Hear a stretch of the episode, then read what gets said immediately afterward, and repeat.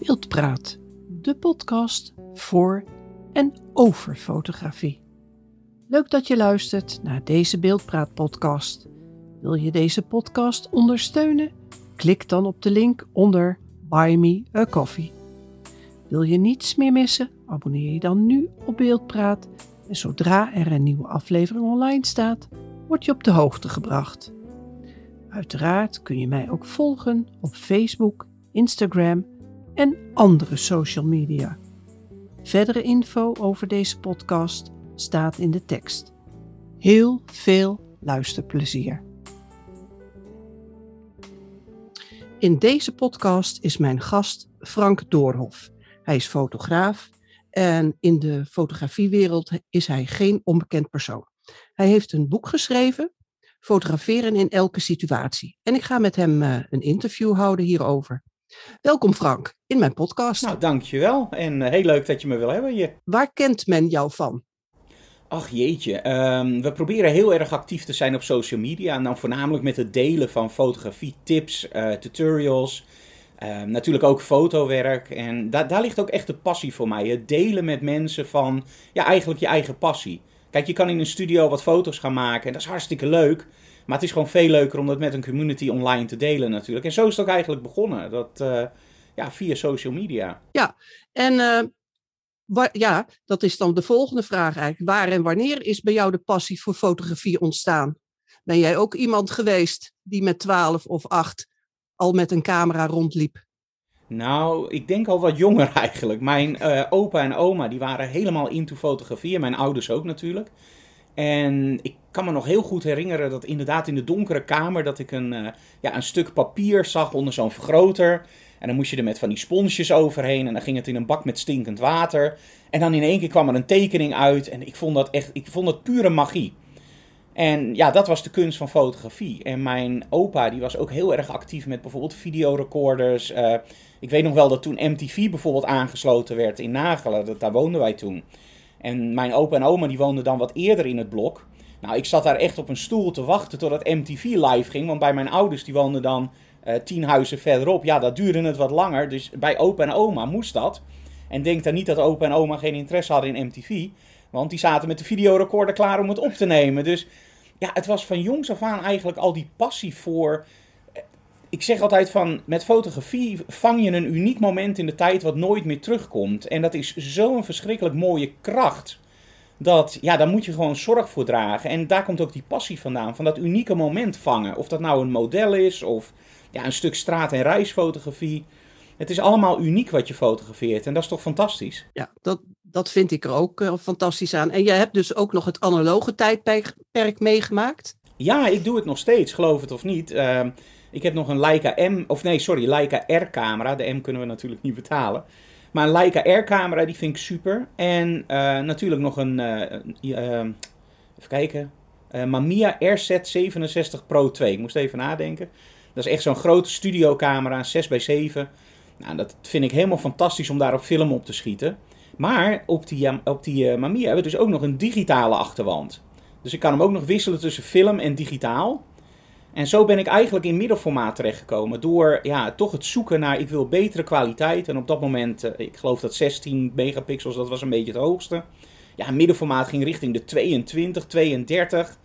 Ja, en toch is voorzichtig met een Hasselblad geschoten. Helemaal verliefd op geworden.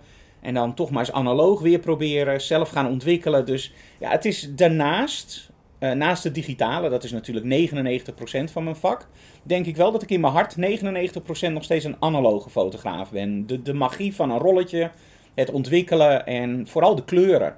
En dat zie je ook wel in mijn werk terug, denk ik. Ik probeer alles heel organisch te kleuren. Echt de kleuren te zoeken bij de scène. Net zoals je vroeger je filmrolletje zocht voor wat je wou gaan fotograferen. Ja, ja, want, want wat ik dan wel merk, jij doet het dan uh, met die analoge um, camera, maar je kan toch in de nabewerking eigenlijk ook wel simuleren, bijvoorbeeld een Kodak, een Fuji-film of uh, whatever. Zie je niet zo zitten dan? Of, of kan je daar net niet die nuance in aanbrengen?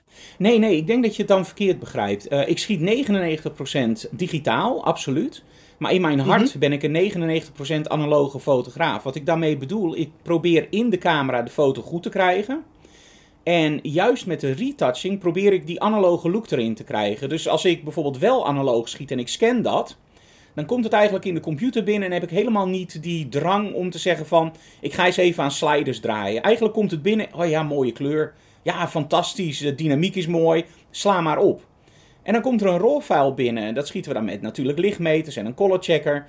Nou, dat ziet er allemaal helemaal perfect uit. Maar dan zie ik er naar te kijken en dan denk ik, jeetje, wat saai. En dan heb ik dus inderdaad in Lightroom hebben we een preset pack gemaakt. En ook in uh, exposure software bijvoorbeeld. Wat inderdaad allemaal kleuren van film emuleert. Dus wat ik ja, eigenlijk helemaal ken van de analoge wereld. Heb ik dan geprobeerd zo goed mogelijk in Lightroom na te maken. En daarna natuurlijk helemaal creatief mee bezig. Dus het lijkt er totaal niet meer op. Maar de intentie is er. Bijvoorbeeld het rood is dan net iets anders. Iets richting oranje. En het mooie van digitaal is natuurlijk, bij film, je scande je filmrol in en dat was het eigenlijk. Dus als je Portra kiest of Velvia, daarna is het niet makkelijk om van een Portra een Velvia te maken. Dat, werkt niet. En wat je nu eigenlijk merkt door de RAW-files en door digitaal en Lightroom, kun je feitelijk met een file beginnen van, nou, dit wordt echt een Velvia-foto. Hij komt binnen, je drukt je Velvia-achtige look eroverheen. Ja, nee, dat is helemaal niks, joh. Het moet Portra worden. En bij digitaal kun je ook nog zeggen, ja, maar ik wil eigenlijk de kwaliteit aan de onderkant van Velvia, aan de boven. Ja, dat is, dan word ik echt helemaal opgewonden. En voor mij is het echt van, dat is voor mij 99% het maken van de foto. Je doet natuurlijk wat huidbewerking, maar het tinten van de foto, kleur is emotie voor mij, ja, dat maakt de foto af. Ja, en gebruik je dan uh, Lightroom in combinatie met Photoshop? Of heb jij nog meer software zoals Capture One? Uh, nou, eh, DxO heb je geloof ik ook, of Exposure en roep het maar. Heb, ik denk, alles wel gebruikt in het verleden, van On tot en met DxO inderdaad, uh, Capture One. En ik ben eigenlijk de laatste paar jaar steeds meer aan het toe gaan naar een mobiele workflow, zoals met een iPad Pro. Die dingen zijn zo verschrikkelijk krachtig op dit moment. En dan word je al heel snel neergezabeld eigenlijk in het land van ja, Lightroom CC. Wat natuurlijk niet helemaal Lightroom is. Uh, Photoshop op de iPad wat niet helemaal Photoshop is. En ik denk dat toen ik daar 2,5 jaar geleden mee begon. Dat was puur uit frustratie van in een vliegtuig zitten. Met een laptop wie eigenlijk met videobewerking na drie kwartier tot een uurtje leeg is. Uh, het brandt je natuurlijk door je benen heen in een vliegtuig. En ik ben een grote man, dus ik zit al heel krap. En toen had ik zoiets van, ja verdorie, die iPad. Uh, ik edit daar net zo snel video op als op een laptop. Maar ik uh, had laatst een vlug, of laatst dan vlak voor de lockdowns, zaten we in Johannesburg. Dat is, ik geloof, 10 uur vliegen. Ik had vier vlogs geëdit, allemaal foto's bewerkt, wat spelletjes gedaan, een video gekeken. We landen in Schiphol en ik had 15% accu over. Ja, dat lukt je nooit met een laptop. Dus ik was steeds meer aan het zoeken van hoe kunnen we nou die mobiele workflow helemaal in orde maken op een iPad. Nou, toen ik ermee begon, weet Annewiek ook wel, toen liep ik echt wel eens door het huis heen van pure frustratie van ik kap ermee. Maar op een gegeven moment merk je ook dat Adobe gaat er steeds meer aandacht aan geven aan Lightroom. Uh, op een gegeven moment kwam er de optie in om uh, via lokale adjustments ook bijvoorbeeld uh, clarity en structure toe te voegen en dehaze. Nou, dat maakte voor mij het meteen mogelijk om de huidbewerking op een heel ander niveau te doen als daarvoor. Daarvoor was het echt alles wat straat- en reisfotografie was. Of bijvoorbeeld als we Wibi fotograferen en we hadden geen huidbewerking nodig, dan kon eigenlijk alles wel op de iPad. Maar zodra ik echt mijn werk ging doen, dus modellen, en, ja, dat was niet te doen op de iPad. En dankzij nu die nieuwe toepassingen, ik heb wel een hele nieuwe workflow moeten leren. Dus het is totaal anders dan wat ik normaal doe. Maar ik leg nu de foto's naast elkaar die ik op de volledige desktopcomputer maak en op de iPad. En ik ben nu zover dat ik eigenlijk geen verschil meer zie tussen die twee. Behalve dat ik op de iPad natuurlijk lekker op de bank kan werken. En op de een of andere manier de workflow is van ongeveer twee keer zo traag naar ondertussen, nou ik denk twee keer zo snel geworden. Dus je past je continu aan naar nieuwe technieken. Ja, en ik denk voor al die iPads, dat is, ja, dat is de toekomst met zo'n Apple Pencil. Echt geniaal. Ja, maar loop je niet tegen bijvoorbeeld uh, de display van de iPad, de kleuren? Want men heeft het dan over uh, de ISO-monitor. Dat is voor fotografie de monitor. Om te, en die kleuren zijn helemaal perfect. Ik loop zelf, ik heb ook een iPad Pro met pencil. Dan denk ik, ja, wat ik nu zie op mijn iPad, zou ik dan dat, dat hetzelfde zien? En als ik een print, zit daar dan kleurverschillen in? Um, dat is iets waar ik heel erg mee bezig ben, hè? kleurmanagement en kleurleer. Um, ik ben ook met uh, Calibrite bezig. Uh, de producten waren eerst bekend onder X-Rite, nu is dat Calibrite geworden. En Mhm. eh, als er één ding is wat ik belangrijk vind, is kalibreren van een display. En dat is op de iPad nog steeds niet mogelijk. Aan de andere kant, ehm, wat ik heb gedaan, is ik heb natuurlijk mijn eigen preset packs. Ik weet precies hoe die foto's eruit horen te zien. En ik heb natuurlijk gekalibreerde monitoren in de studio en thuis staan. Wij gebruiken dan BenQ, maar je hebt ISO, BenQ, Lassie. eh Lassie niet meer trouwens, maar ehm, tenminste die maken volgens mij geen monitoren meer. Maar ISO, BenQ, dat zijn echt merken die je ook hardwarematig kan kalibreren. Eh, die geven perfecte kleuren weer. En wat ik gewoon heb gedaan is een paar foto's die ik heel erg goed ken. Continu zitten vergelijken met, oké, hoe ziet die foto er nou uit op mijn iPad? Hoe ziet die foto eruit op die gekalibreerde monitor? En dan kom je erachter dat met die vorige iPad, waar nog niet dat, eh, dat nieuwe displaytechniek in zat, dus niet die XRD's, dat dat gewoon totaal niet op elkaar leek. De schaduwen liepen dicht, de highlights hadden een wat oranjeachtige tint bij mij. En ik pakte die van mijn vrouw en het was wat gelig. Dus ik had zoiets van, dat gaat hem niet worden. Dus wat ik dan deed, ik maakte als het ware alle foto's in Lightroom klaar. Dan gingen ze gesynct naar de computer toe. En daar keek ik ze nog één keer na. Gewoon alleen maar nakijken. Is het goed wat ik gedaan heb, ja of nee? En dan exporteren. Toen die nieuwe displays aankwamen van de M1 eh, ehm, iPads. Ik zit nu eigenlijk op een niveau dat ik op de iPad voor 99% kan inschatten of de foto ja of nee de look heeft wie ik wil. En vaak als ik ze daarna ook op de computer eh, ja, check, is het ook zo. Het enige waar je niet in moet vallen bij de iPad, je moet je brightness echt naar beneden zetten. Het is zo lekker om die brightness omhoog te pompen van, wauw, kijk eens hoe mooi dat beeld is. Maar als ik aan het editen ben, zet ik de brightness eigenlijk meteen naar beneden aan de hand van mijn portfolio. Ik heb daar een foto gekozen, Dragon Lady. Dat is zo'n foto met zo'n rode draakachtig model wat daar staat, helemaal in het rood. En daar zit voor mij heel veel herkenbare stukken in. Rood natuurlijk voor mij als kleur. En ook heel veel schaduw en wit detail. Nou, die foto hou ik dan eventjes gewoon voor me als ik ergens ga werken. Oké, ik weet hoe die foto eruit ziet. Dan stel ik de brightness in van de iPad. En dan ga ik editen. En tot nog komt dan eigenlijk 99% er exact zo uit als dat ik wil. Maar ik zou dolgraag willen dat Apple dat openstelt. Dat je gewoon een analyzer ervoor kan hangen en dat ding kan kalibreren. Het is niet voor niks een pro-display. Ja, dat, dat je met, eh, ja, inderdaad, dat je het scherm van de iPad ook kan eh, kalibreren. Ja, nou, misschien komt dat nog. En mis je dan ook nog eh, op de iPad eh, dingen in Photoshop eh, die je op de computer dan wel hebt? Want je kan het op dit moment nog niet alles. Nee, eigenlijk nog maar heel weinig in vergelijking met de computer. Ehm, het enige wat ik zelf echt mis, maar ik heb een hele simpele workflow onder Photoshop als ik eerlijk ben, add noise. En dat klinkt heel stom van waarom moet je ergens noise aan toevoegen?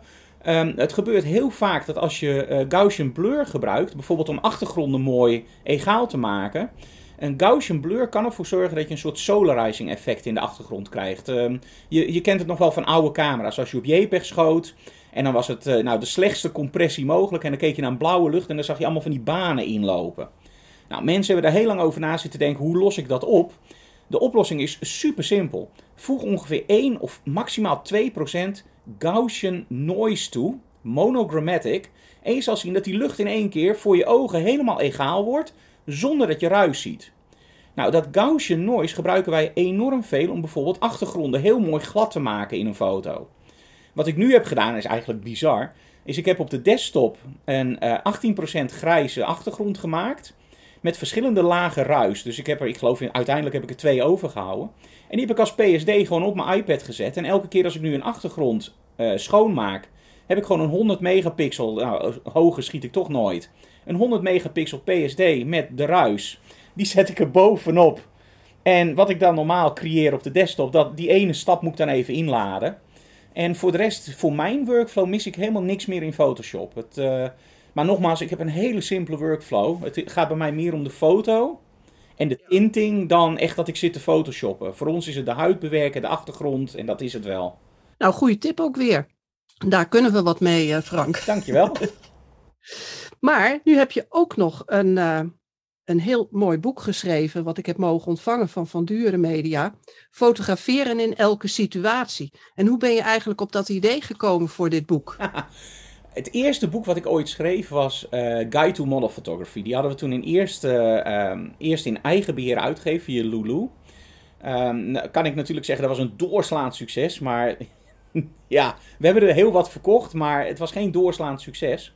Toen had ik ook eigenlijk zoiets van, ik vind het maken van video's veel leuker. En ik schreef wel op het blog heel veel tips en op Twitter heel veel tips. En Scott Kelby die vond dat zo mooi. Die zegt van die tips moet je gaan combineren in een boek. Ik zeg nou dat doe ik niet. Ik, ik, heb een keer een boek geschreven. Ik vond het heel leuk, maar nee. Toen zegt hij nee, maar dit boek wordt via ons uitgegeven. En eigenlijk hebben we het al, ja, het is eigenlijk al geregeld. Dus dan heb ik Mastering the Model Shoot geschreven in het Engels. Met tegelijkertijd in Nederlands het boek De Magie van de Kleine Flitser. En later heeft Van Duren ook uh, Mastering the Model Shoot vertaald naar handboek modelfotografie.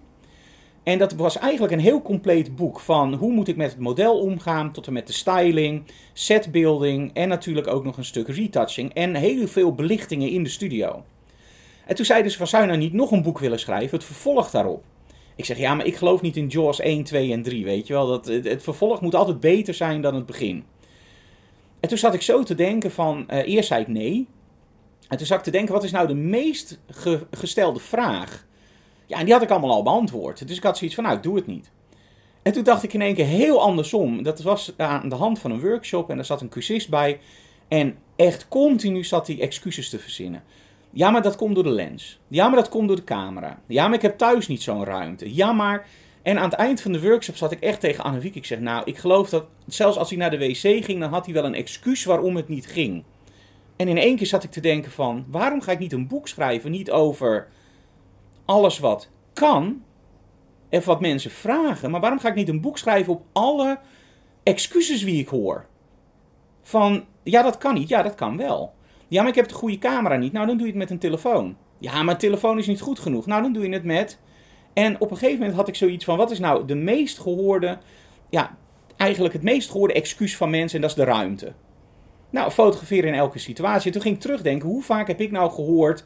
Ja, maar dit is een moeilijke situatie. Nou, we doen heel veel workshops op locatie, bijvoorbeeld kastelen, afbraakpanden.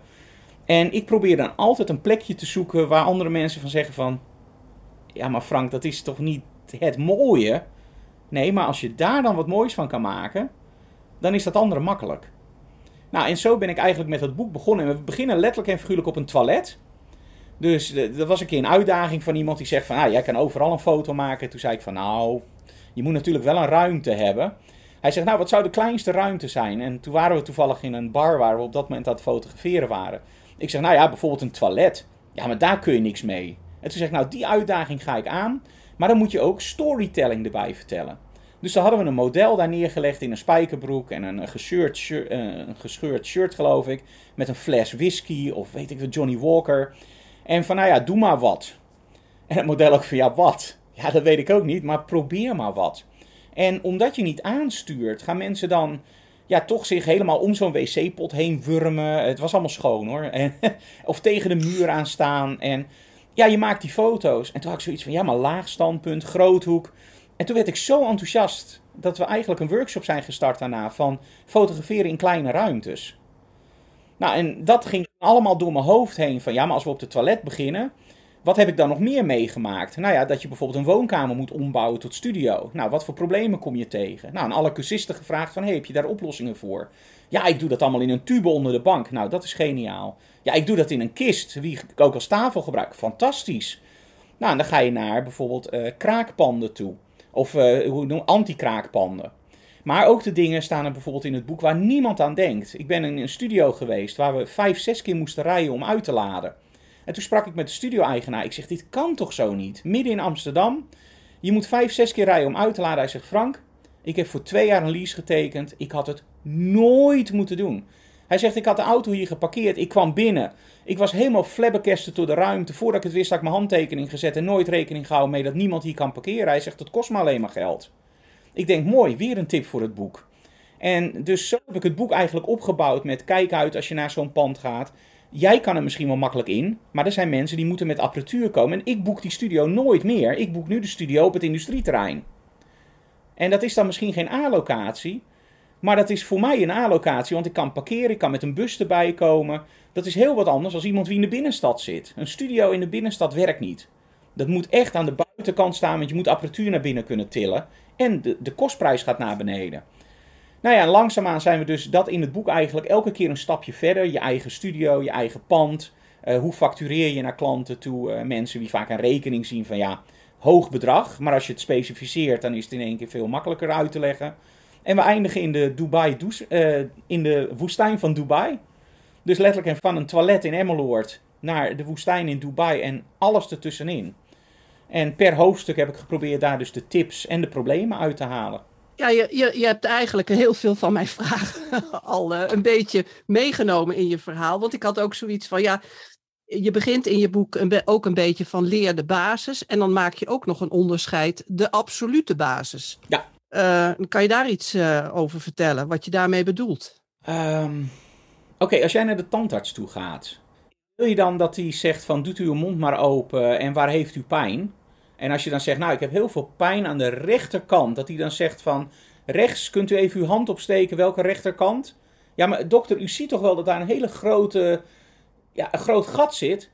Ja, wijst u nog maar even exact aan welke kies. Oké, wat wilt u dat ik nu ga doen dan? Want ik weet wel dat ik moet boren, maar welke boor moet ik pakken? Dat wil je niet. En, en toch gaat 99% van de mensen naar een fotograaf wie geen lichtmeter gebruikt. Wie geen colorchecker gebruikt. Wie letterlijk en figuurlijk een model neerzet, wat lichten neerkwakt, een foto maakt en dan op de monitor moet kijken of die foto goed is. En als de klant dan zegt, ja, hij is wel wat donker, dat fixen we wel in Photoshop. Op een gegeven moment is er een punt dat je het niet meer kan fixen in Photoshop. Dat is bijvoorbeeld het punt wanneer je een uh, smoelenboek moet maken voor een bedrijf tegen een grijze achtergrond. En de mensen komen verspreid over twee weken tijd. Uh, een van de voorbeelden die bij mij in de workshop zit, um, is heel simpel van de Veronica-gids. Iedereen kent de Veronica-gids. Nou, Veronica heeft geen excuses voor wat er nu gaat gebeuren. We hebben een uh, twee pagina spread eruit gehaald van BN'ers die op yogales gingen. Je kan letterlijk zien welke BN'ers op welke dag gingen. Want bij twee was de achtergrond grijs. En bij twee andere was de achtergrond aan de ene kant een beetje te veel magenta en aan de andere kant een beetje te veel blauw. Dus je ziet dat die fotograaf wel tegen dezelfde opstelling heeft geschoten. Maar op verschillende dagen, dus elke dag heeft een andere kleurzweem. Ik snap niet dat de fotograaf dat niet heeft gezien. Dat de art director dat niet heeft gezien. Dat daarna ook de printer het niet heeft gezien. Maar het allerstomste is dat ik af en toe gedurende workshop mensen er echt op moet wijzen. En dat als ze het eenmaal hebben gezien, dat ze zeggen: Ja, maar dat ik dat niet gezien heb, daar zit zo'n verschil tussen. Als je nou de basis kent van de fotografie en je weet gewoon van ik moet mijn licht in orde hebben. Ik schiet met een lichtmeter voor de perfecte exposure, dus de belichting. En ik gebruik een color checker voor de perfecte kleur. Dan heb je die basis altijd goed. En dat betekent als je een preset pack gebruikt, dat dat preset pack ook exact hetzelfde werkt onder TL-verlichting, onder een gloeilamp of met buitenverlichting. Mensen die dat niet doen, merken gewoon dat ze heel veel tijd kwijt zijn in Photoshop. Hoe vaak hoor je dat niet? Van, nou, ik heb mooie foto's gemaakt, ik ben zeker nog wel een maand aan het photoshoppen. Ja, dan doe je toch echt wat verkeerd hoor. Want, natuurlijk, moet de foto in de camera goed zijn. Nou, dan doe ik wel eens portfolio reviews en dan zie ik foto's, die zien er hartstikke leuk uit. En dan vraag ik om de rolfiles en dan schrik ik me echt helemaal lam. Dan bijvoorbeeld de ogen staan in het midden van het frame en de bovenkant is helemaal open. En dan is het van, ja, maar het center focuspunt, hè, dat werkt. Och, maar jongens, dat maakt dan de compositie een beetje netjes. Nou, die basis is dus compositie, belichting, kleur, maar ook het stuk engagement met je klant. Het stukje bevoeling en het stukje sfeer, het stukje storytelling. Heb je dat niet in je basis zitten, ja, dan maak je alleen maar een stilstaand beeld. Nou, dat bedoel ik eigenlijk met leer je basis. Net zoals met, uh, ik haal in het boek bijvoorbeeld uh, muziek aan. Uh, ik heb vroeger gitaarles gegeven aan de lokale jeugd. En dat was hartstikke leuk. En dat was echt in de tijd dat Dream Theater opkwam en Metallica. En dan was het van, ja, ik wil uh, Metallica, wat doet dat? Nou, dat heet dan mixolydisch. Oh, fantastisch. Wat doet Dream Theater en Steve? Ja, lydisch. Oh, dan wil ik al die toonladders leren. En dan kon je echt je cursisten in twee delen indelen. Het ene deel luisterde naar me en het tweede deel niet. Het eerste deel zei ik van, oké, we beginnen met de saaiste toonladder wie er is. De C-majeur toonladder. C, D, E, F, G, A, B. En die moet je over de hele hals van de gitaar leren spelen. En dan was er één groep die zei, ja Frank, dat doe ik. En de andere groep zei, nee Frank, ik wil mixolydisch leren. Ik zei, oké. Dan leerde ik ze de mixolydische toonladder over de hele hals. Nou, dat konden ze dan. Dan kwamen ze een week later terug. Nou wil ik lydisch. Nou, oké. Leerde ik ze de lydische toonladder over de hele hals. Die ene groep die begon met de C-majeur toonladder, kon ik echter een trucje leren. Als je begint op de C, is het majeur. Als je begint op de D, is het dorisch. Dus je begint op de E en zo kon je al die toonladders in één ladder. Dus ze konden dat techniekje over de hele hals, alleen ze startten op andere noten. Dus die anderen moesten zeven toonladders leren. En die andere hoefde maar één toonladder te leren en die konden dat vlekkeloos over de hele hal spelen. Met fotografie merk je hetzelfde eigenlijk. Je hebt mensen die willen lichtopstellingen leren, waar je helemaal niks aan hebt, want elk model is anders, elke sfeer is anders. En je hebt mensen die willen leren, ja, maar lichtopstelling vind ik helemaal niet belangrijk. Hoe werkt dat licht? Nou, en dat merk je in mijn tutorials en mijn boeken, dat ik daar heel veel aandacht aan geef van, begrijp nou het licht. En je zal eigenlijk merken dat het daarna super makkelijk wordt om het licht te laten doen wat jij wil. En ik heb ooit eens een keer iets gezegd, en dat klinkt een heel klein beetje hard. Uh, 99% van de fotografen laten zich controleren door hun licht. Terwijl eigenlijk 100% van de fotografen het licht onder controle moeten hebben. En daar zit denk ik het verschil. Als ik een set bouw, dan zie ik in mijn hoofd wat ik wil. En het licht moet doen wat ik wil. En je merkt bij heel veel andere fotografen dat het eigenlijk een kwestie is van ze zetten het licht neer en ze gaan dan kijken wat kan ik met dit licht en wat gebeurt er als ik het verschuif. Het lijkt heel veel op elkaar, maar uiteindelijk kom je niet tot dat eindresultaat, want je begint altijd met iets wat je niet onder controle hebt en dat ga je dan proberen neer te zetten. En ik begin meer met een zwart canvas en ik weet precies van waar zet je de lampjes neer.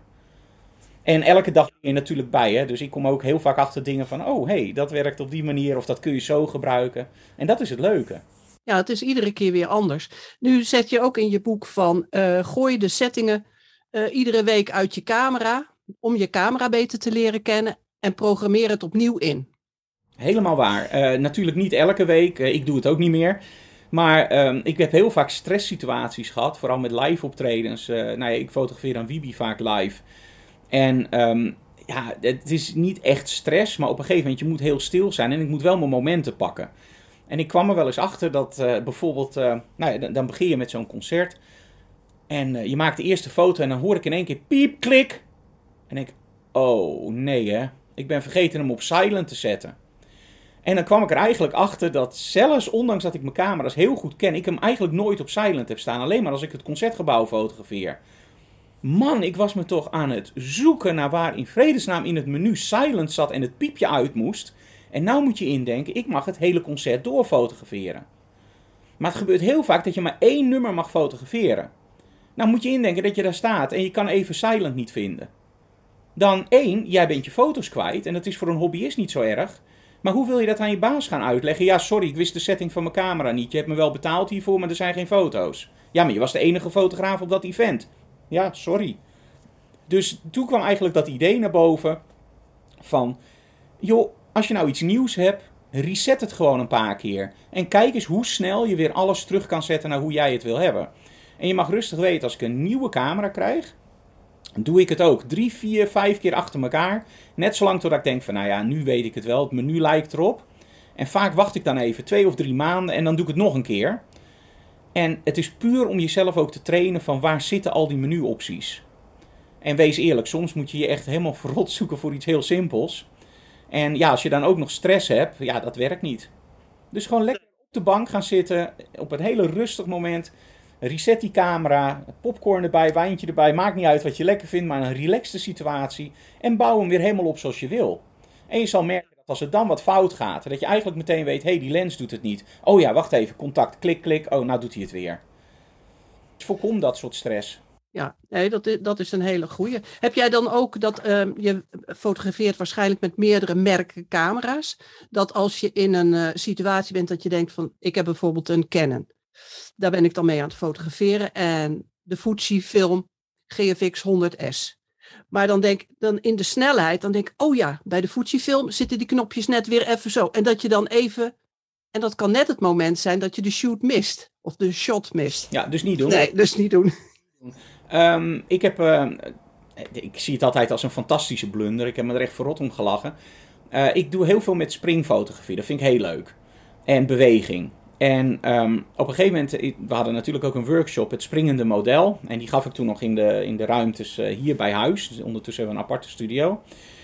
En um, toen had ik net een middenformaatcamera binnengekregen. En ik vond dat natuurlijk helemaal fantastisch. Dus die workshop, nou, die moest met middenformaat geschoten worden. Natuurlijk, hè, dat mooie 4 bij 3 beeld en springend model. En met mijn kennis van het springende model, dan zou ik dat model perfect bevriezen op het mooie moment met middenformaat. En de cursisten zouden het fantastisch vinden. Dus ik vertel ze nog heel fijn dat je natuurlijk wel je camera goed moet leren kennen. Want als je de timing in orde hebt, nou dan kun je ze precies op dat zweefmoment vangen. Dus ik maak een fantastisch mooi verhaal. En iemand vraagt zo maar van, ja, maar waar moeten we nou realistisch van uitgaan? Ik zeg, nou, als je 10 foto's schiet, ga er realistisch van uit dat als je net begint, dat je de 2 raakt. Ik zeg, maar als je wat meer ervaring hebt, kijk, ik krijg het nu voor elkaar om er ongeveer 8 goed te krijgen. Ja, had ik dat maar nooit gezegd. model sprong omhoog, ik maakte de foto, model sprong alweer op de grond. Ja, dus oké, nou oké. Goed jongens, ik moet even inkomen. Dus model springt, ik maak de foto, model staat alweer op de grond. Ik kreeg het niet voor elkaar. Ik kreeg gewoon geen enkele foto goed. En op een gegeven moment, de cursisten natuurlijk ook. En ik ben dan ook hoor, dat begin net zo hard te lachen als de cursist. Ik zeg, jongens, ik weet niet wat er aan de hand is. Maar ik denk dat het even tijd wordt om terug te gaan naar mijn oude camera. Ik pak de oude camera en ik schiet er dus van 10, 10 raak. Toen moest het ook wel even. Hè? En ik had dus op een gegeven moment de realisatie van, wacht even. Wat is nou het eerste wat ik aan cursisten vertel? Leer de timing van je camera. Hoe haal ik het dan in mijn hoofd op met een workshop, met een gloednieuwe camera, waar ik nog nooit een sprongfoto mee heb gemaakt? Meteen die springfoto's te maken. Dus op een gegeven moment in de pauze heb ik even met het model een paar sprongen gemaakt. En toen had ik de timing van de middenformaatcamera voor elkaar. En ik kan je nog steeds vertellen, als ik in één sessie wissel tussen een Sony-camera, waar dus geen uh, spiegel in zit, en een middenformaatcamera. Ik heb minimaal 10, 20 sprongen nodig om er weer goed te hebben op dat zweefmoment. Want er zit zoveel verschil tussen die camera's en het is zo een, echt een honderdste van een seconde waarop je moet schieten. Het is dat punt waar het model eigenlijk omhoog komt en dan zit er zo'n punt waarop ze gaan denken van ga ik weer naar beneden of ga ik verder omhoog. Nou ja, op moeder aarde gaan ze altijd naar beneden. En dat noemen we dan het zweefmoment. Dan hangen ze even stil. Nou, dan moet je ze eigenlijk hebben op het moment dat ze nog wel omhoog gaan, dus dat het haar naar beneden is. Ja, het klinkt allemaal heel stom, maar je moet het echt indenken. Heel langzaam, model springt omhoog.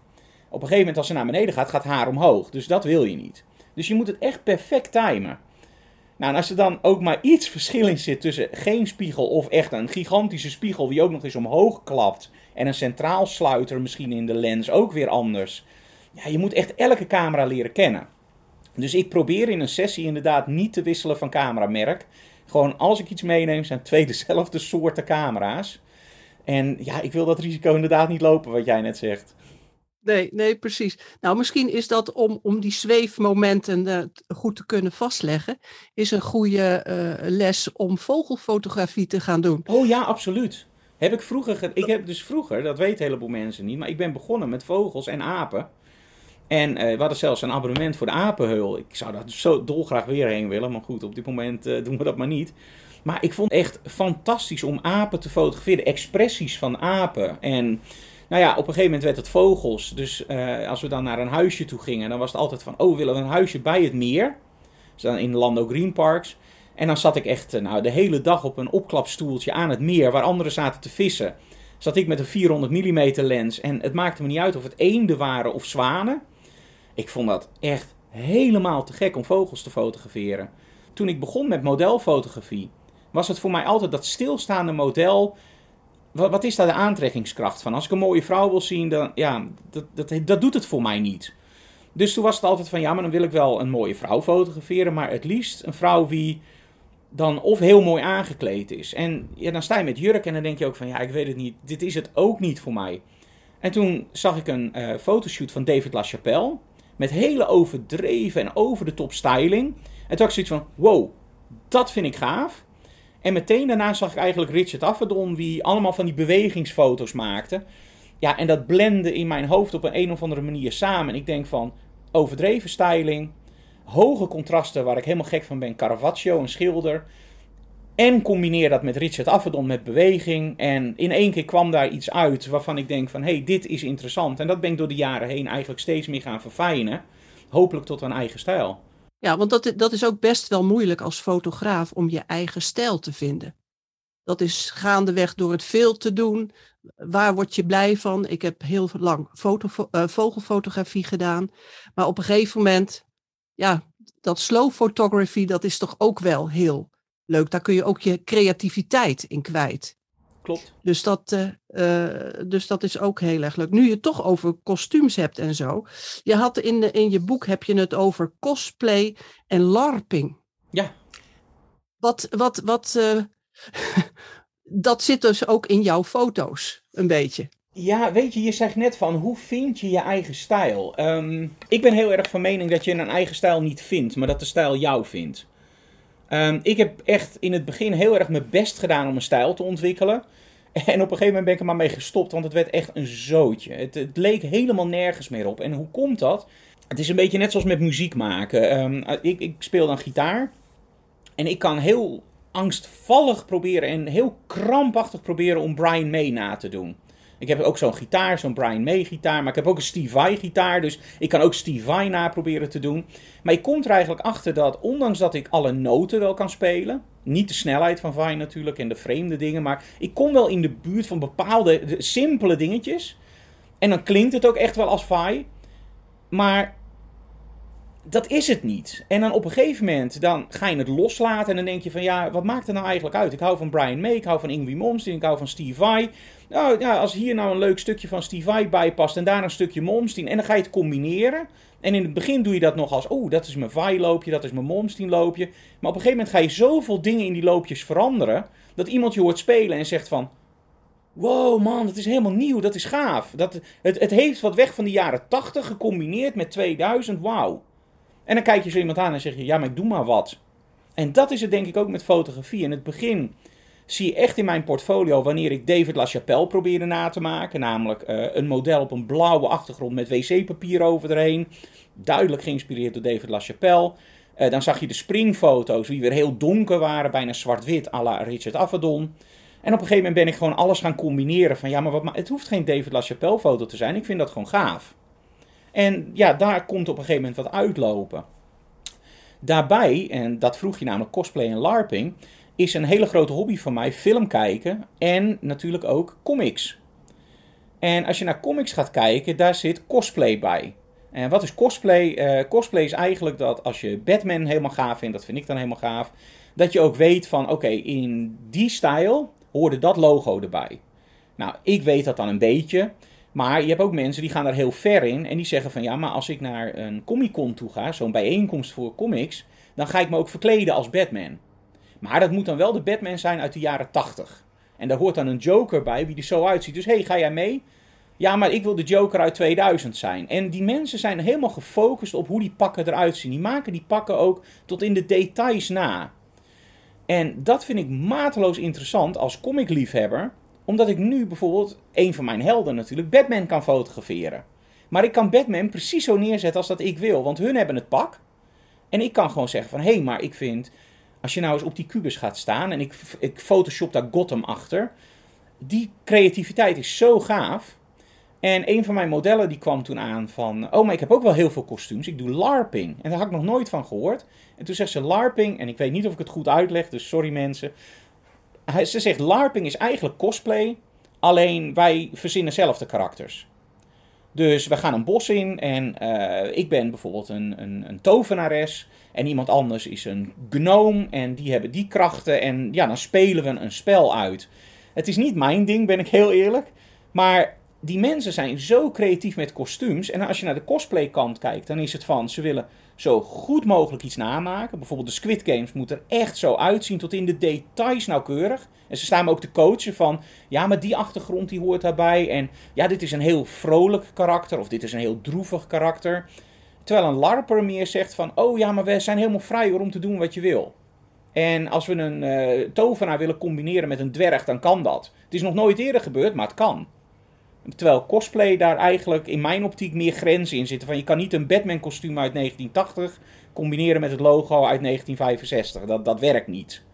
Nou, en die combinatie van die twee, ja, werk ik met allebei gewoon super gaaf. En um, daar komt ook in het boek vandaan, uh, ik geloof dat dat in dat boek ook staat, van praat met degene wie je fotografeert. Of het nou een CEO van een bedrijf is, of Harry de, ja, de conciërge. Want je wil ze wel op een andere manier fotograferen. En ik zou bijvoorbeeld een CEO eerder wat van laag schieten, dat hij wat massaler wordt, wat meer uitstraalt. Terwijl bijvoorbeeld een conciërge van een school zal ik misschien iets van boven fotograferen met armen wie wat opener staan. Zodat die ook voor de ouders gewoon dat ze denken, oh dat is iemand wie we kunnen vertrouwen met ons kind. En niet iemand wie van beneden af massaal overkomt. Nou, en dat komt duidelijk bij cosplay weg, want hoe fotografeer je een superheld? Ja, niet van boven natuurlijk, want dan is het zo'n heel klein... Nee, nee, een superheld, die moet natuurlijk een pose aannemen. Die moet op een steen gaan staan. Dan moet je op de grond schieten met een zon erachter. Nou, al die technieken die je in de cosplay leert, dus dat overdreven belichten, dat overdreven uh, groothoeken, dat kun je eigenlijk in je normale fotografie. Je moet het wel helemaal naar beneden bijdialen, maar op een gegeven moment zie je een CEO en het stomme is, je gaat in één keer in je hoofd, zie je Batman. Oh ja, maar die moet ik zo fotograferen. Of je ziet een conciërge en dan denk je, oh ja, maar dat is dat karakter wat uh, uh, dat en dat deed met al die kinderen. Oh leuk, dan fotograferen we. En op een gegeven moment ga je dan links leggen van hoe wordt zo iemand getekend, hoe wordt zo iemand in een film gemaakt. En op een gegeven moment gaan al die lijntjes samenwerken en kun je gewoon veel betere foto's maken. En dat bedoel ik met die basiskennen. Leer die lijnen. Um, ik zeg altijd tegen cursisten van denk aan Dexter. Uh, de seriemoordenaar. Maar ook meteen de blatter specialist. Weet je wel? Die komt in een ruimte, er ligt een lijk. Overal ligt bloed. En hij gaat touwtjes trekken. Overal naartoe. En dan kan hij op een gegeven moment vertellen: Oké, daar is hij met een hamer geslagen. Toen is hij daarheen gesleept. Daar is een mes gepakt. Daar is dat gepakt. En dan denk je: Hoe zie je dat nou? Nou ja, dat gebeurt zo en zo. En dan zie je die bloedspatters. En ik denk dat wij als fotografen creatief ook al die lijntjes in ons hoofd moeten gaan trekken van ik moet een CEO fotograferen. Dan moet je niet denken, er staat een persoon voor me. In je hoofd moet dan eigenlijk een proces gaan werken van oké, wat doet die man? Die staat aan de leiding van een bedrijf. Dan ga je met die man praten. Is dat een aardige man? Of is het echt een eikel? Dan ga je ook vragen van, wat vind je van je personeel? Wow, dat, staat allemaal onder mij. Oké, dan weet ik dus dat het een wat arrogant iemand is, die dus ook blijkbaar dat moet uitstralen. Of, nee hoor, ik sta gewoon op de werkvloer met mijn personeel, het zijn allemaal gelijken, totdat ze wat fout doen. Oké, dan ga ik een iets lager, eh, ofwel nog steeds wat lager schieten, maar misschien zijn handen iets anders neerzetten, dat hij wat opener open komt. Nou, en pak daar dan weer dat bij van cosplay en larping. En op een gegeven moment weet je dan van, oké, dat hele overdreven hoeft niet een beetje minder. Oftewel, als je marathon gelopen hebt, is het daarna heel makkelijk om de avondvierdaagse te doen. Is het dan misschien ook een tip dat uh, uh, fotografen die beginnen um, een cursus cosplay en larping gaan doen? Ik denk het niet als je gaat beginnen, um, tenzij het heel leuk vindt. Kijk, het, je, het is altijd leuk om te fotograferen, absoluut. Ik denk als je begint met fotograferen dat het heel belangrijk is om niet te simpel te starten. Um, ik gaf dat altijd vroeger ook aan de mensen wie gitaarles gaf en ik doe dat nu ook nog steeds. Je kan een metronoom aanzetten en zeggen C, D, E, F, G, A, B. Maar ja, op een gegeven moment val je in slaap en dan ga je ook niet meer met plezier gitaar spelen. Wat je beter kan doen is een blues opzetten, een backing, back, een backing track met een hele band wie speelt en zeg het enige wat je mag doen zijn de noten gebruiken die in deze toonladder zitten. Doe er maar wat mee. Begin maar langzaam, ga ze daarna in serie spelen. En je zal merken dat op een gegeven moment als de muziek uitgaat en je zegt speel eens die toonladder, gaat veel sneller. En dat heeft niks te maken met, oh heb ik nou die toonladder beter geleerd? Nee, je hebt die noten zo vaak gespeeld met lol, in plaats van ik moet het, dat het veel makkelijker gaat. Denk maar in, um, uh, vroeger op school, ik had wiskunde, had ik helemaal niks mee. Dus ik had altijd een 6.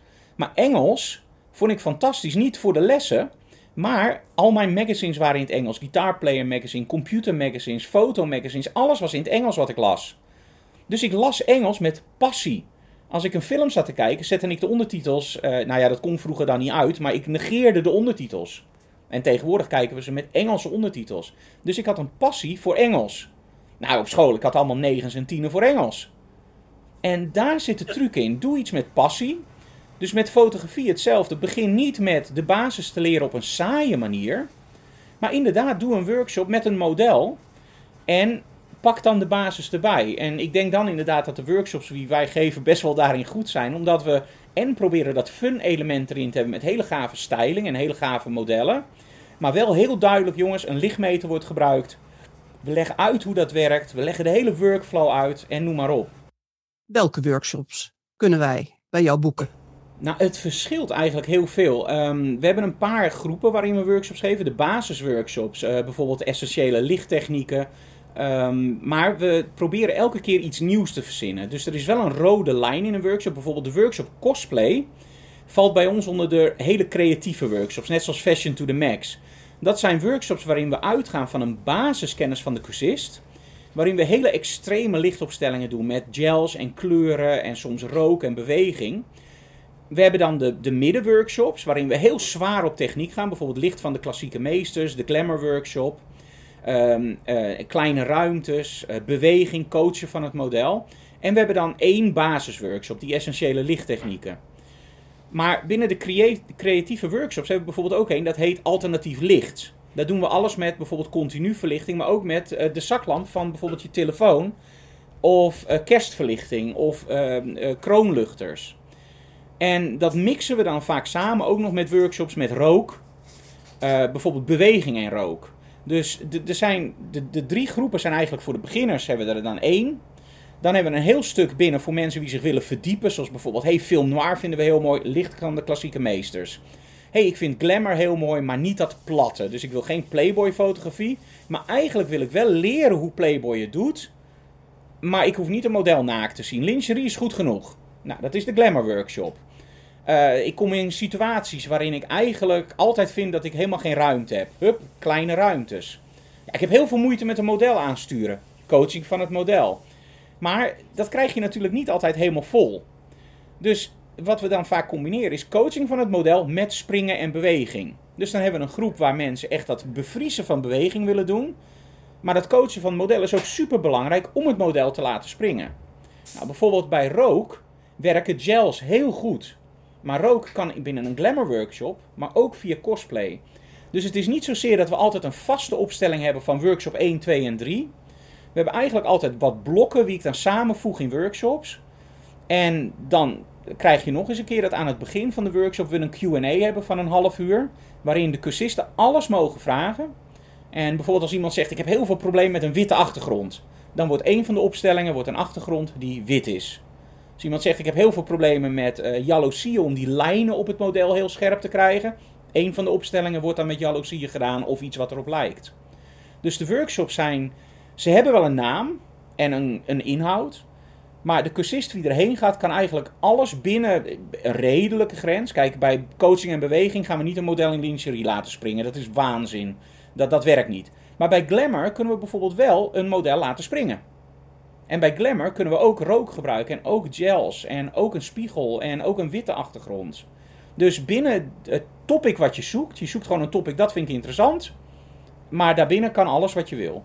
Denk aan, ik hou van heavy metal, maar ik hou niet van death metal, maar wel van Metallica. Nou, dan zeg je gewoon aan het begin van de workshop, uh, death metal hoeft voor mij niet, Metallica. Nou, dan doen we die workshop Metallica. Ja, ja je, je zou bijna een boek kunnen maken over uh, fotografie met muziek, dat je dat verweeft in elkaar. Want als, als... Veel connecties, dat wil je niet weten, echt. Maar je kan het ook met tekenen doen en met schilderen en met beeldhouden. Het is allemaal visualiseren van iets en daar iets van maken. Fotografie is niks anders dan muziek maken of tekenen of schilderen. En veel mensen vergeten dat. Die denken dat het maar een camera richten op iemand is, een knop indrukken en kijk eens, daar heb ik het. Nee, het is een kunstvorm. Je moet er wel je best voor doen. Net zoals er zit een grap in een workshop van mij van uh, als we naar de kunstgeschiedenis gaan kijken. En we gaan kijken naar hoeveel er geproduceerd is. Vanaf de eerste grottekening tot en met, laat zeggen, de Gouden Eeuw met alle schilderijen. Dan hebben we ongeveer een A4'tje vol. En dat is allemaal kunst. Dat zijn allemaal verhalen. Denk aan het laatste avondmaal. Uh, denk aan Pasen. Denk aan wat je. Alles is een verhaal. Van de grottekeningen waar natuurlijk één iemand een dinosaurus vermoorde en opat. Het zijn allemaal verhalen. En dat is dan één A4'tje. Als je dan gaat kijken wat er, laat zeggen, vanaf 2000 tot en met nu gepubliceerd is, dat is een boekwerk dikker dan de Vandalen. En wat zullen we eraan herinneren? Kim Kardashian wie een duckface maakt. We worden overspoeld met beelden waar helemaal niks meer in zit. Wat hapklare brokken zijn voor mensen die toevallig die celebrity volgen. Maar wanneer is de laatste keer dat jij echt opgewonden werd van een fotoreportage in een magazine? Die is er niet meer. Ja, uh, Suit Supply had er toen eentje, wie ook echt uh, het nieuw... En dan kun je nagaan, hè. Oké, hij was op het randje, maar dat hij het nieuws haalt omdat het een fotoreportage is. Denk aan vroeger, uh, niemand rook... Ik ben echt een felle anti-roker. Maar denk aan de Marlboro Man. Heb je hem ooit met Marlboro zien roken? Dat weet je niet, want het was de cowboy.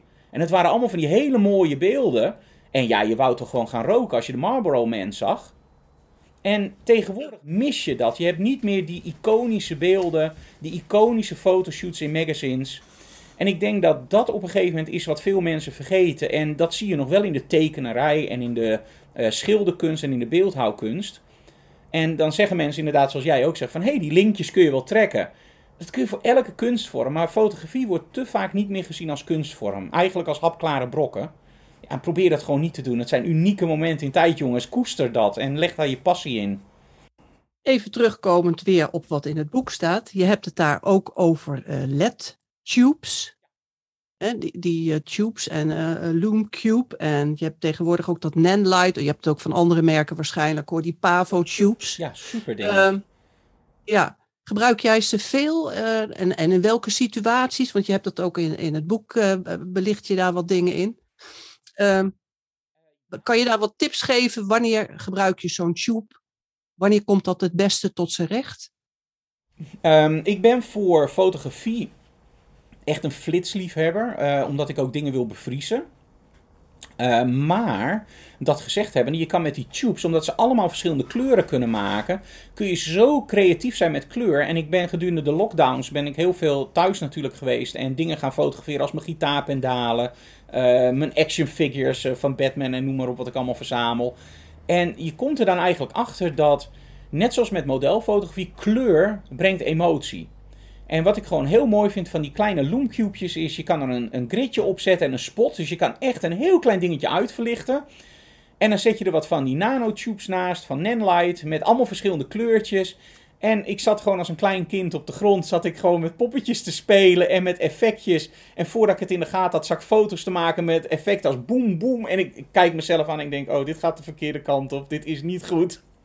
maar als je dat enthousiasme weer zelf hebt, en dat je gewoon als 50-jarige op de grond met poppetjes zit te spelen. En helemaal omgetoverd wordt naar die wereld. En je ziet ook de foto's, dan denk je van... Ja, dat is wat kleur en wat licht moeten doen. En ik denk dat daar die nantubes gewoon perfect voor zijn. En wees eerlijk, probeer eens een klein object uit te, uit te verlichten met flitsers. Je krijgt het nooit zo klein. En die kleine tubejes en die kleine loomcubejes, daar kun je gewoon echt hele kleine objecten mee fotograferen. En daarnaast, waarvoor gebruiken we het binnen het normale werk? Eh, je kan een model er heel mooi mee laten spelen. Als ze namelijk een flitser vast zou hebben wie een kleur heeft, en die flitser gaat af, dan blaast die altijd die kleur uit. Dat is ook logisch. Maar heeft ze een LED-tube vast, dan kun je wel flitsen, maar die LED-tube blijft nog steeds het licht geven, omdat ze één, ze zijn helder genoeg om te fotograferen. Dus ze zijn niet zo heel licht of uh, zo donker als de commerciële LED-tubes. Uh, commercieel voor bijvoorbeeld een woonkamer. Deze gaan veel helderder. En als je zijn model vast laat houden, blijf je dus nog wel die kleur erin zien. Maar het geeft verder geen infectie op het model, omdat die door de flits wordt belicht. Dus je kan ze heel mooi combineren. En je kan natuurlijk zo plekken neerzetten waar je normaal nooit kan komen. En ja, gebruik wat langere sluitertijden, de flitser op de laagste stand. En kun je bijvoorbeeld op uh, nou ja, ISO 400 2.8 proberen te schieten. En dan heb je nog steeds heel veel licht van die LED-tubes. En de flitser hou je gewoon als het ware op je model. En door de sluitertijd te veranderen, verander je als het ware de intensiteit van je continu verlichting. En de flitser blijft natuurlijk vaststaan, want het is een puls wie één keer komt. Dus je kan ze ook combineren met flits. Je, je kan er super creatieve dingen mee doen. Ja, en gebruik je dan ook zo'n barn grid? Ja, in 90% van de gevallen probeer ik grids te gebruiken of barn doors. Ja, ik, ik heb er niks mee dat licht overal heen gaat. Dat, nee, dat is niet mijn ding. Nee, nee. Ja, en dan heb je natuurlijk ook die dingen... Uh zoals Nanlite, dat zijn gerenommeerde merken voor zoiets. Waarop moet je vooral uh, letten bij de aanschaf van die dingen? Waar lette jij op?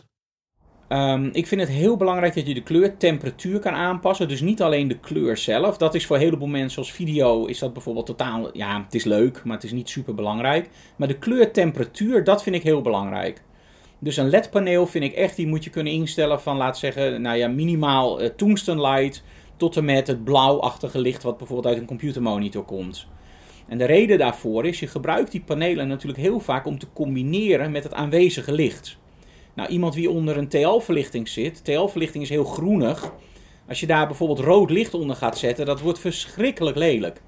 Dus als je een LED-paneel gebruikt, vind ik wel dat je kleurtemperatuur moet kunnen aanpassen van het paneel.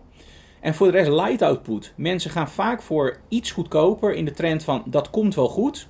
En vergeten gewoon dat als jij op ISO 1200 gaat filmen, dat dat best wel goed eruit ziet. Maar als jij gaat filmen op ISO 6400, Ja, dat gaat gewoon op een gegeven moment gaat dat smeren en dat gaat niet lekker. Je wordt gedwongen je sluitertijd naar beneden te brengen. Dat is voor wat wij nu doen perfect, een interview. Maar bijvoorbeeld als jij iemand wil filmen en je wil dat lekker staccato hebben, zul je een hoge sluitertijd moeten hebben. Als je dat heel soepel wil hebben, wil je een lagere sluitertijd hebben. Nou, LED-panelen worden heel veel gebruikt voor video. En vaak denken mensen, oh, als ik maar op een 25ste van een seconde schiet, dan redt dat LED-paneel het net. Maar als ze dan wat meer scherpte in hun beelden willen hebben en wat meer dat staccato, ja, dan komen ze er al achter van, ja, dan moet ik al naar ISO 6400. Dus LED-panelen worden vaak te laag gekocht. En ja, geef iets meer geld uit en neem gewoon echt de wat zwaardere types. Neem altijd één type zwaarder als wat je denkt. Ja, ja, het is net als met kleding, altijd even een maat, maatje meer of een maatje minder. Ja. nee, zo bedoel ik het niet. feestdagen, of niet? ja, precies. precies. Um, en, en je hebt ze ook trouwens, die tubes in diverse lengtes. Heb je daar nog een advies in? Want je hebt van die 30 centimeter of zo, gewoon, maakt niet uit. De kleintjes hebben we er twee van. En die lange hebben we er geloof ik één van. En um, we gebruiken ze door elkaar heen. Um, het, het, ligt er net aan. Kijk, als je een hele lange hebt, dan. Um, dat komt een beetje verkeerd over, sorry. Maar als je zo'n lange tube hebt, dan kun je er natuurlijk andere dingen mee doen als met zo'n kleintje. Uh, dus die kleine kun je bijvoorbeeld combineren om uh, bijvoorbeeld action figures te fotograferen of om sfeer te creëren in een kleine set. En zo'n lange kun je bijvoorbeeld gebruiken naast een model in plaats van bijvoorbeeld een color gel. Maar die kleintjes kun je ook gebruiken naast een model. En kun je bijvoorbeeld zeggen van dan doe ik de bovenste rood en de onderste blauw. Dus het ligt er net aan wat je iemand geeft, daar moet je wat mee doen. Uh, geef mij zo'n paneeltje als dit. Ik laat nu een rechthoekig klein paneeltje zien. En die kun je van de zijkant gebruiken. Je kan hem van voren gebruiken, uh, van ver weg of van dichtbij. En ze geven allemaal ander licht. dus ja, nee, ik heb daar verder geen advies voor. Het is echt wat je denkt nodig te hebben, dat moet je eigenlijk kopen alleen maar hele kleine dingetjes fotografeert, dan zou ik absoluut geen grote LED-paneel kopen, want dat is alleen maar een nadeel.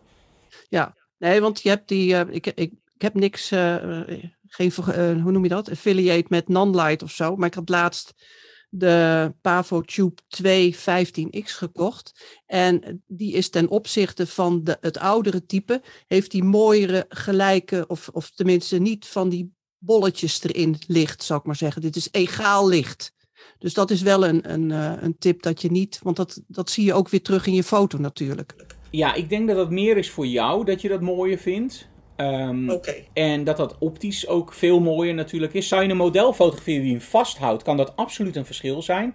Ik denk voor de kwaliteit van de foto dat het heel weinig uitmaakt. Of je inderdaad, wij hebben ook wel LED-panelen die dus uh, inderdaad nog LED's hebben, waar je dan een diffusiepaneeltje voorzet. En ik moet heel eerlijk zeggen dat als we het voor video gebruiken, dat ik amper het verschil zie met het diffusiepaneeltje ervoor of niet. Want het blijft een kleinere lichtbron. Wat ik mooi vind aan die nanlights is dat je ze aan elkaar kan klikken met dat magneetje. Ik weet niet of jouw types dat hebben, maar dat vind ik echt zo gaaf. We zetten ze dan neer en dan gewoon op elkaar geklikt. Allebei een andere kleur. Dan kun je ze ook nog iets van elkaar draaien. die dingen zijn echt zo geniaal. Ja, ik denk dat dat de, de, de kleine is. De lange, die hebben dat niet. De lange hebben dat inderdaad niet. Die kleintjes hebben dat wel. Ja, dat vind ik zo'n gave uitvinding. Gewoon van, je ziet het en je denkt eerst van, ha. En dan ga je het uitproberen en denk je, oh. het is een beetje de eerste iPad wie je vasthoudt van, nee, dat is helemaal niks. En dan open je je eerste comic erop en dan draai je hem en denk je, wow, ja, gaaf. En op een gegeven moment wil je niet meer anders. Nee, nee, precies. Nou, fotografen zijn ook net kleine kinderen ook. Hè? Die, die als je ze loslaat in een, uh, in een uh, winkel, fotografiewinkel, dat is voor ons ook net een uh, snoepjeswinkel, heb ik wel het idee. Ja, dat moet je niet doen. Dat moet je niet doen. Nee. Nou heb je ook nog, ehm, ja, dat wilde ik dus vragen. Is er een hoofdstuk in het boek waar je, waarvan jij zegt van nou, dat verdient even wat meer aandacht? neem dat tot je. Eigenlijk het hele boek, want het is van A tot Z. Nee, ik denk, en daar hebben we het al eerder over gehad, het voorwoord. Dat verdient extra aandacht, dat stukje over muziek. Wees niet dom, wees niet eigenwijs. Je moet eens weten hoe ik af en toe moet knokken met cursisten om ze aan hun verstand te brengen dat een lichtmeter niet een apparaat is wat je creativiteit wegzuigt. Maar dat het een apparaat is wat je alleen maar sneller maakt. Ik kan net zo goed dezelfde foto's maken zonder lichtmeter. Geen enkel probleem. Alleen ik doe er twee keer zo lang over en ik ben achter Photoshop langer bezig. En datzelfde geldt voor die toonladders. Leer die simpele lichtopstellingen, want je leert eigenlijk geen lichtopstellingen. Maar je leert wat licht doet. Ik heb bijvoorbeeld mezelf helemaal gek gemaakt in het begin met het verschil tussen een witte en een zilveren beauty dish. Ik moest en zou het verschil een keer zien, want iedereen had het erover. En ik snapte het maar niet, want ik zag totaal het verschil niet tussen een zilveren en een witte beauty dish. En op een gegeven moment werd ik het zo zat dat ik, nou ja, ik heb een pop neergezet. Ik denk als model dan elke keer anders kijkt terwijl ik die beauty dish wissel, dan gaan we het anders doen. Ik zet een pop neer, ik zet een zilveren beauty dish neer, ik zet een witte beauty dish neer en ik wissel ze op exact dezelfde flitser. Ik zet mijn camera op een statief, ik sluit alles uit. Ik meet het ook helemaal opnieuw op een tiende nauwkeurig en ik ga het verschil bekijken. En toen zag ik het verschil te bekijken en ik denk, waarom heb ik dat nooit eerder gezien? Zo ongelooflijk duidelijk werd het voor mijn beeld neergezet dat er met zilver gewoon een totaal andere schaduw was. Waarom had ik dat nou nooit eerder gezien? Ik had nog nooit naar de schaduw gekeken. Ik had altijd gekeken naar hoe ziet nou dat licht eruit. Nou, ik zag totaal geen verschil tussen wit en grijs of zilver. Waarom is daar zo'n ophef over? En met die pop, omdat alles exact hetzelfde bleef en ik ze naast elkaar kon zetten, was het in één keer. Ja, maar wacht even, nu snap ik alles van waarom ze zilver gebruiken. En toen was het ook in één keer van. Ja, maar wacht eventjes. Als dus een. Ehm, ze noemden dat dan vroeger de deep throat. Ik heb altijd gezegd dat die naam zou ik niet gebruiken. Maar dat noemden ze dan een deep throat omdat de reflector een hele diepe hals had. En wat dat eigenlijk doet, is dat bundelt het licht naar voren toe. En na dat grapje dus met die zilveren en witte beauty dish, had ik in één keer zoiets van, hé, maar nou snap ik dat ook, waarom dat dus niet wit van binnen is, maar zilver. Nou, en dat bedoel ik met leer die basis. En in dat voorwoord leg ik dat uit aan de hand van die muziek. Als je die basis namelijk snapt, dan zet je ook licht neer met een opstelling van, ja, maar ik wil die harde schaduw, oh, dan moet je zilver gebruiken. Ja, maar ik fotografeer een mevrouw en die wil haar huid wat zachter hebben. Oh, maar dan gebruiken we een witte, wie wat groter is, met een diffusiepaneeltje ervoor. En dan is het niet meer van, daar gebruiken we die lichtopstelling voor, maar dan is het meer van, we willen die look. Oké, dat heb ik helemaal in mijn hoofd, daar pak ik het apparatuur bij wie daarbij hoort. Oftewel, ik wil klinken als Dream Theater, dan pak ik mijn toonladder wie ik al ken, alleen ik begin op een andere noot. En dat is een totaal andere aanpak. Het lijkt nu alsof ik eigenlijk een beetje zit te zwammen en dat het allemaal hetzelfde is. Maar de insteek is duidelijk heel anders. En ik hoop dat in dat voorwoord, daar heb ik daar echt best wel wat tijd voor uitgenomen. Ik denk als mensen dat twee of drie keer doorlezen, echt met het idee van dit is belangrijk, dat een heleboel dingen gewoon ja, eigenlijk op hun plek gaan vallen. Als puzzelstukjes in elkaar. Van, oh ja, maar als ik dat linkje leg met dat. Oh ja, nu weet ik precies wat die softbox doet. Als ik hem verder weg beweeg, uh, een van de mooiste dingen is bijvoorbeeld met klassieke meesters. Daar hebben we van die jaloezieën hangen. En dan begin ik altijd van, nou jongens, kijk eens mooi hè, die lijnen die op de achtergrond vallen van die jaloezieën, is dat niet fantastisch? En dan zien mensen het en dan zet ik het model erin. Dan maken we de foto's en dan zie je eigenlijk dat het model helemaal die lijnen niet op haar gezicht heeft. En dan zie je die mensen echt verbaasd kijken van, ja maar we zien die lijnen, maar we zien ze in de foto niet. En dan leer ik ze dus dat licht valt af over de afstand. Maar heeft ook een bepaalde schaduwtransfer. En dan zetten we dus het model echt vlak tegen die jaloezieën aan. En het ligt op 3, 4 meter afstand. En dan zie je dus echt die lijnen keihard over het model haar gezicht lopen. En dan hoor je een cursist al, oeh, maar dat vind ik iets te hard. Oké, dan gaat of het model 30 centimeter naar achteren toe, of het licht gaat 40 centimeter of 50 centimeter naar voren toe. En op een gegeven moment zien ze dan dat ze dus die lijnen die zo hard zijn, door alleen maar het licht te veranderen of het model ten opzichte van die jaloezieën, dat ze niet een heel klein beetje controle hebben, maar letterlijk kunnen gaan van alleen maar een heel klein beetje strepen tot en met keihard. Nou, we hebben wel eens cursisten die dan echt gewoon echt staan te springen in de studio van is dit zo makkelijk? Waarom heb ik dit nooit gesnapt? Van wauw, dit verandert meteen alles. En dat is nou dat beginnen op één toon en gewoon de techniek leren en gewoon weten van oké, maar als ik dat onderling uitwissel, gebeurt dat. Nou, dat staat allemaal in dat voorwoord eigenlijk. En dat is leer de basis. En daarna wordt fotograferen zo makkelijk. En weet je wat mooi is als fotograferen makkelijk wordt? Dan kun je aan het moeilijkste beginnen. En dat is namelijk een beeld maken wat mensen vastpakt. En wat mensen meeneemt. En het mooiste voorbeeld is mensen als uh, bijvoorbeeld, um, nou ben ik even, uh, Mario Testino. Die maakt toch echt beelden waarvan we allemaal zeggen van wauw. Die man weet niks van belichting af. Dat wordt allemaal voor hem gedaan. Nou, ik heb niet het geld voor zo'n team. Maar die man heeft dus wel de visie. Maar die man hoeft zich geen zorgen te maken over hardware, hoe een camera werkt. Die man hoeft zich geen zorgen te maken over flitslicht. Wij als amateurs en als professionals zonder een team moeten alles kunnen. Hoe makkelijk is het dan niet als je je helemaal geen zorgen meer hoeft te maken over licht? Je hebt iets in je hoofd. Je zegt tegen je team, in dit geval dan even jezelf, ik wil die look hebben en je team weet precies wat je moet doen. En het enige wat jij nog hoeft te doen is die expressie uit je model te trekken. En helemaal te focussen, want de rest klopt. Helemaal te focussen op wat jij met het model wil. En dat doe je als je je basis kent. Maar hoeveel mensen staan niet op een set te vechten met het licht, te vechten met hun camera, te vechten met de lens of met de compositie? En hebben ze geen tijd meer voor het model. Dus wat krijg je? Een mooi model tegen een mooie achtergrond met mooi licht. Maar er zit helemaal niks in. Nee, het wordt een platte foto. Juist, en dat bedoel ik met leer die basis. Dus ik denk dat dat het voorwoord, het meest belangrijke hoofdstuk. Eigenlijk is dat ook meteen de ultieme tip. Ja, ik denk het wel. Basis kun je echt in een eh, weekje YouTube heb je de basis voor een groot gedeelte onder controle. En daarna ehm, de beste tip die je kan geven, en die staat, eh, ik denk niet eens in het boek, is het beste leermiddel is je telefoon. Zet die lamp aan. Die flitser of dat, uh, dat, dat zaklampje, zet dat aan in een donkere ruimte. Zet een glas neer met cola of met 7-up of wat je dan ook drinkt. En ga gewoon met die lamp dichter naar het glas toe, verder naar het glas toe. Zet het eens achter het glas. Kijk eens wat er gebeurt met die schaduw als je de lamp alleen maar omhoog en naar beneden haalt. Maar kijk ook eens wat er gebeurt met die schaduw als je hem niet alleen omhoog en naar beneden haalt, maar ook kantelt. Kijk dan ook eens wat er gebeurt als je hem niet rechtop richt, maar bijvoorbeeld afwendt. Hé, hey, het licht wordt veel zachter. Aha, kijk, nou kun je dus de achtergrond belichten en het model met één flitser. Ja, maar dat is handig, want dan hoeft het model ook niet meer te bewegen, dat die vlek op de achtergrond elke keer meebeweegt. Want met één flitser heb je dat probleem niet. Nou, en dat soort dingen, ja, dat, gewoon met een telefoontje. Als je daar een, een uurtje of drie mee bezig bent, wordt zoveel duidelijk wat licht doet. Licht is niet zo moeilijk. Het gebruiken ervan, creatief, dat is moeilijk. Nou, ik zou uh, nog uren met je door kunnen praten, Frank. Ik ben er bang want voor. Je hebt nog, nou, dat hoeft niet. We kunnen altijd nog eens een keer een podcast maken. Wat uh, ik zet uh, in de tekst weer zoals gebruikelijk, waar men het boek kan aanschaffen.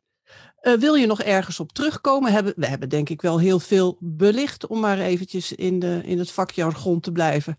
Ja, ik denk hetgene waar ik op terug wil komen is wel... Um, en dat is heel erg afhankelijk denk ik van deze periode. En laten we hopen dat over een paar jaar dat niet meer zo is. Hoe blijf je creatief in die coronaperiode? Um, wij nemen het allemaal heel serieus. En dat betekent dus dat ik nu geen workshops geef op het moment dat er semi-lockdowns zijn. Want die dingen zijn er niet voor niks. Uh, kijk, op het moment in de zomer geven workshops. Maar op dit moment hebben we alles stilgelegd. Maar dat betekent ook dat ik geen TFP-shoots doe, ook geen eigen werk doe. En dat is heel jammer en dat is heel rot, dat doet me ook zeer. Maar hoe blijf je creatief? Um, probeer dingen te doen die je normaal niet doet, maar waar je wel heel veel profijt van hebt. Uh, voor mij was dat op een gegeven moment, mijn zwakke punt was altijd de modellen uitverlichten kan ik wel. Maar kleine dingetjes uitverlichten, ik heb altijd het idee gehad dat daar bij mij nog heel veel te winnen was. En dan ga je weer met cosplay en met LARPing terecht. Dat kun je dan ook weer in je grote fotografie gebruiken. Dus ik ben inderdaad begonnen met van... Oké, ik heb hier een gitaarpendaal. Wat moet ik daar nou mee? Het is een overdrive pendaal. Oké, wat doet een overdrive pendaal? Uh, Oké, die stuurt een versterker over. Ik hou van buizen. Wat gebeurt er met een buis als hij overstuurd wordt? Ja, dan wordt hij heel erg geel en tegen... Oké, dan gaan we rood licht erachter zetten. Waarvoor wordt een overdrive pendaal gebruikt? Heavy metal, hard rock, blues. Oké, rook erbij. Oh, maar als er rook bij... En, en op die manier was ik eigenlijk met mijn pendaaltje... Eigenlijk mijn cosplay workshop aan het doen en mijn rookworkshop. En ik had zo'n lol dat wederom, ik lag gewoon op de grond te lachen. Oh, moet je kijken wat een gave foto. Daarna in Photoshop was ik het aan het bewerken. En het mooie is, ik heb het pendaaltje exact zo bewerkt als een modelfoto. Dus ik kon mijn presets maken. Ik heb me daar maanden mee bezig gehouden. En het stomme is, dan zit je niet alleen maar Netflix te kijken op de bank. Want hoe makkelijk is dat? Je mag niks, of je er kan niks, laten we het anders zeggen. Je kan niks. Je wil wel je creativiteit. Je zit Netflix te kijken en wat merk je? Je zakt steeds verder af. Hoeveel mensen stoppen niet met fotograferen? Dat is toch doodzonde? Dwing jezelf gewoon om een vast schema aan te houden. En voor mij is dat een stukje muziek maken, een stukje fotograferen. En ga ook naar buiten en fotografeer dingen die je normaal niet zou fotograferen, maar waarvan je wel denkt van, hé, hey, dat valt wel binnen mijn, het gedeelte wat ik weer kan gebruiken. Bijvoorbeeld heb je problemen met beweging, ga lekker langs de kant zitten, ga vogels fotograferen. Je hoeft geen topfoto's te maken, maar leer die vogels te fotograferen. Een visser die gooit toch ook de vis terug? Nou, wij als fotograaf, als je nou eenmaal het door hebt om een eend goed te fotograferen, ja, maar ik heb geen mooie foto. Zo wat? Die visser die gooit toch ook de vis terug? Maar je hebt wel dat punt. En je leert dan op een gegeven moment ook die patronen herkennen van een vogel. En dat is net zoals met sport. Als dan weer de sportwedstrijden beginnen, je bent sportfotograaf. Door vogels patronen te herkennen, ga je ook op het voetbalveld herkennen van... hé, hey, als hij naar die speler toe gaat, die rent heel vaak naar rechts. Oké, als ik dan daar alvast pre-focus, dan weet ik dat de keeper gaat springen en je hebt veel mooiere foto's. En normaal zijn we allemaal zo druk en we roepen allemaal van we zouden zo even rust willen hebben. Gebruik nou deze tijd om alles te doen binnen je passie en binnen je vak om bij te leren waar je normaal geen tijd voor hebt. En ik moest ook af en toe een schop onder mijn kont hebben hoor, want ik had exact hetzelfde dat je op een gegeven moment maar denkt van ik ga maar Netflix kijken. Maar uiteindelijk eh, heb ik mezelf wel teruggepakt en heb ik nu gewoon een creatief vlak op een dag, een stuk business op een dag en een stukje Netflix. Ik neem iets meer vrije tijd nu.